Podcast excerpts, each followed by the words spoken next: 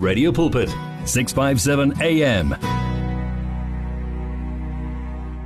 You are holy Jehovah ungcwele udumo lonke silinikeza wena. Mm umthandeni esho la eh, sijula ezwini. Yebo sijula ezwini ngempela sithoba eh, phambi kuka Jehova ongcwele kwamanje ngicela ukuthi ke sithole i motivation sekakhona ke eh u Mr Tebo Twala aka ditsebe.com Share our passion for life on 657 AM. Sanibonani ngiyezwa nje. Sanibona sanibona sanibona sanibona ekhaya. Sanibonani sanibonani sanibonani molweni molweni molweni ninjani ninjani lapha ekhaya?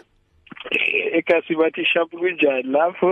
Hayi thina bona si sharp sipapa no all is well. We are excited. uNkulunkulu sasigcinile we are seeing just God's grace um Amen. in what is happening. The grace keeps us going. Amen. mm, mm. Amen umusa ngempela.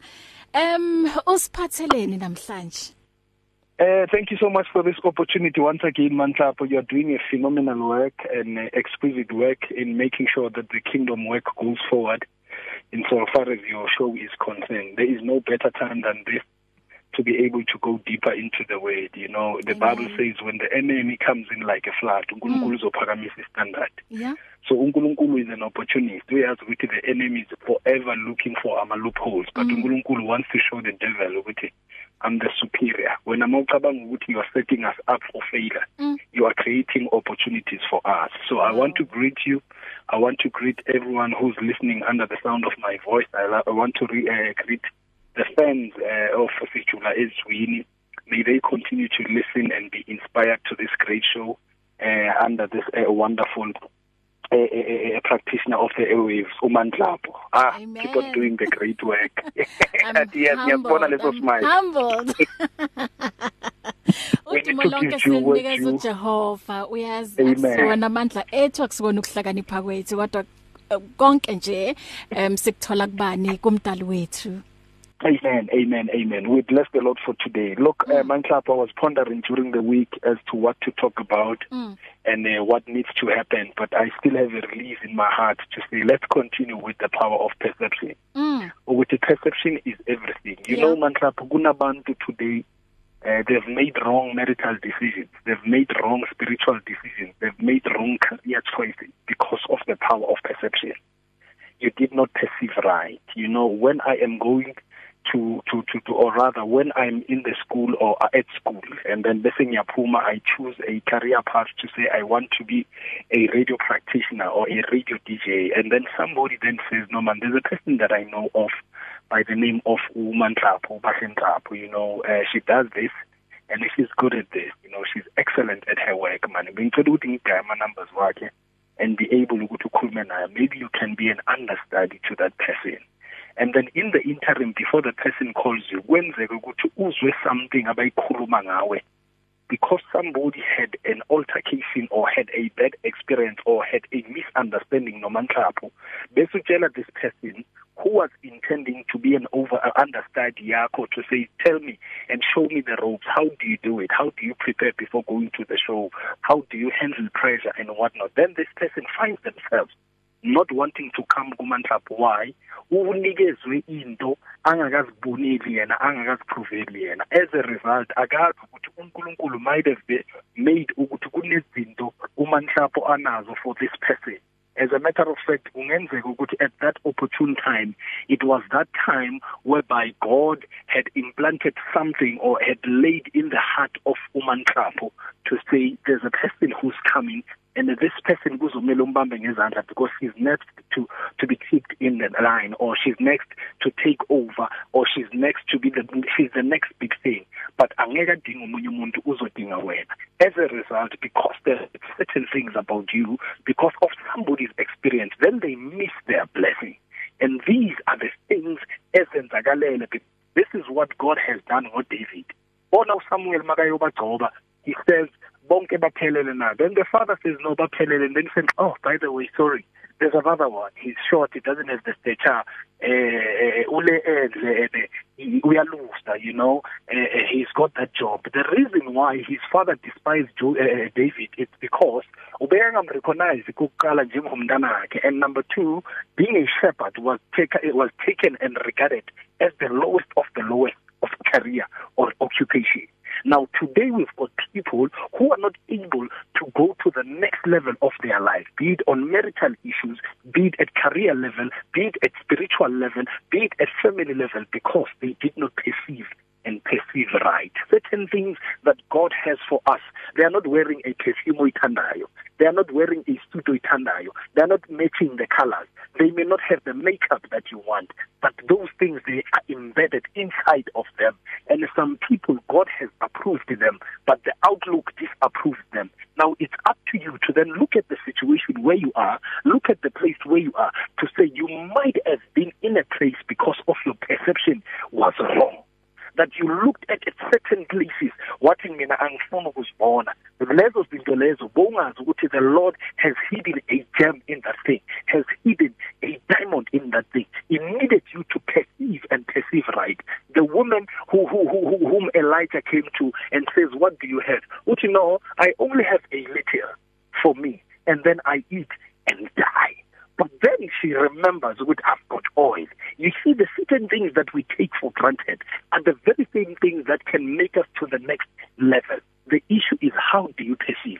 And you need to perceive right. As we are going through this turmoil, as things are shifting in the world, as, as, as certain people are being taken out of the system, there's a new system and there's a new generation of thinkers. There's a new generation of people who fear nothing else but God. As they are rising, you need to be able to perceive and to perceive right. Because some of your blessings they are not coming the way you want them. Some of them they take you to serve.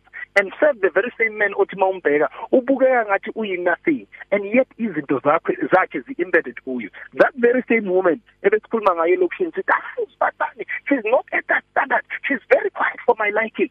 That could have been the woman that you can take akwakhele umuzi but because we go with carnal we go with what people have said and not what God has said we have missed out on big things so here's my say today that perceive.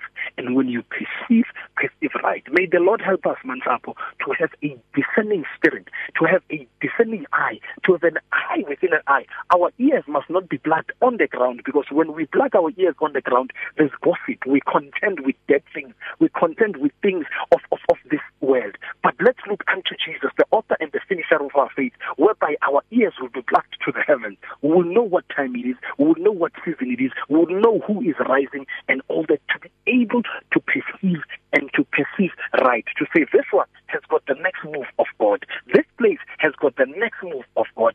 This career is the next move and the shift of God. How do you perceive? Mm. Perceive right. It's perceive important that you perceive right. right. How do you perceive right? You mm. perceive right in prayer.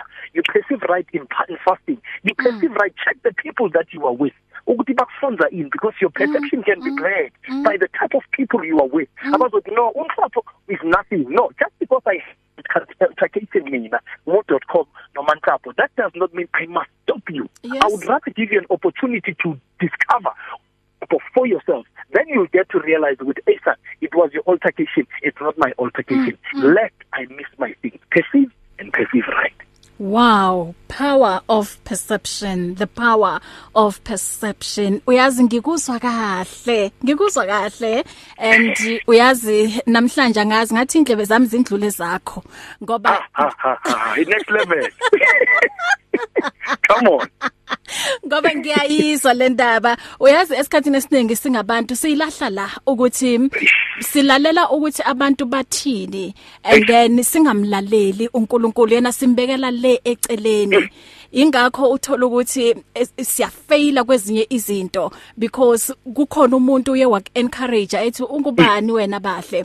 Or kukhona umuntu uye wambuka and then wakhuluma into kodwa wabuka nje isimo sakhe nokuthi uwumuntu onjani wathi hayi cha ayikho nje into enengqondo ayikhulumayo lo muntu. So ngempela inamandla le ndaba the power of perception. Thank you so much. Ukuthi yes yes. uDavid mhm he was the next king. Mm. but he didn't have the clothes. Yeah. laba abanye bebasebenza ku government institution mm. they had the suit they had the look. Lo uzivukela ekuseni uthatha inkomo. He's Yeah. a king. Mhm. and uNkulunkulu uyeka bonke laba abanama career agrand abakhuluma English engaka abayenza and those things are not wrong. But sometimes what we see it's not what God has chosen. It's true. Wow. our eyes must be plugged into the Lord and say Lord is this what you have chosen? Aziyeke lezi nizibona ngamehlo. So we need to perceive. Yeah. and perceive right your next deal is locked in your perception Mm. your next move is locked in your perception your new car or your next car is locked in your perception your new idea is locked in, in your, your perception perception. Wow. Bakuthola kuphi um ditsebe.com? Uh, on social media corner, Facebook is the page. Just click like ditsebe.com. On Twitter, Ditsebe C for Christ Christian and Comedian. And corner futhi Instagram at ditsebzin Z-I-N. I'm available. Let's talk. umanhla ushilo wathi amahlaya ngisawenza na lalela ngisekitchen ngibheke enye into lalala hlalelana dining room i'm coming there and it's just been a wave whereby sometimes people don't understand i'll talk Yeah. about this next week that there are phases of a guest Yeah. that it has to go through because abanye bethu we are not just doing this for the sake of Yeah. we are not doing it for money we are doing this because there's an impact we are building the kingdom Amen. monetary Amen. uh, gratitude then comes in the interim so that's where they can find me but we'll further more Amen. Sihlangane futhi next week ngaso leso sikhathi. Bless you. amen bless you onezindlebe makeze shalom.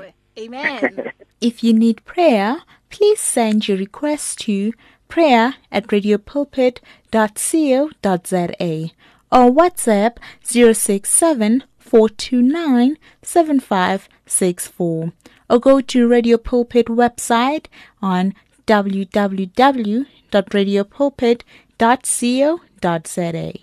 You and 657 AM and life, a winning team on the road to eternity.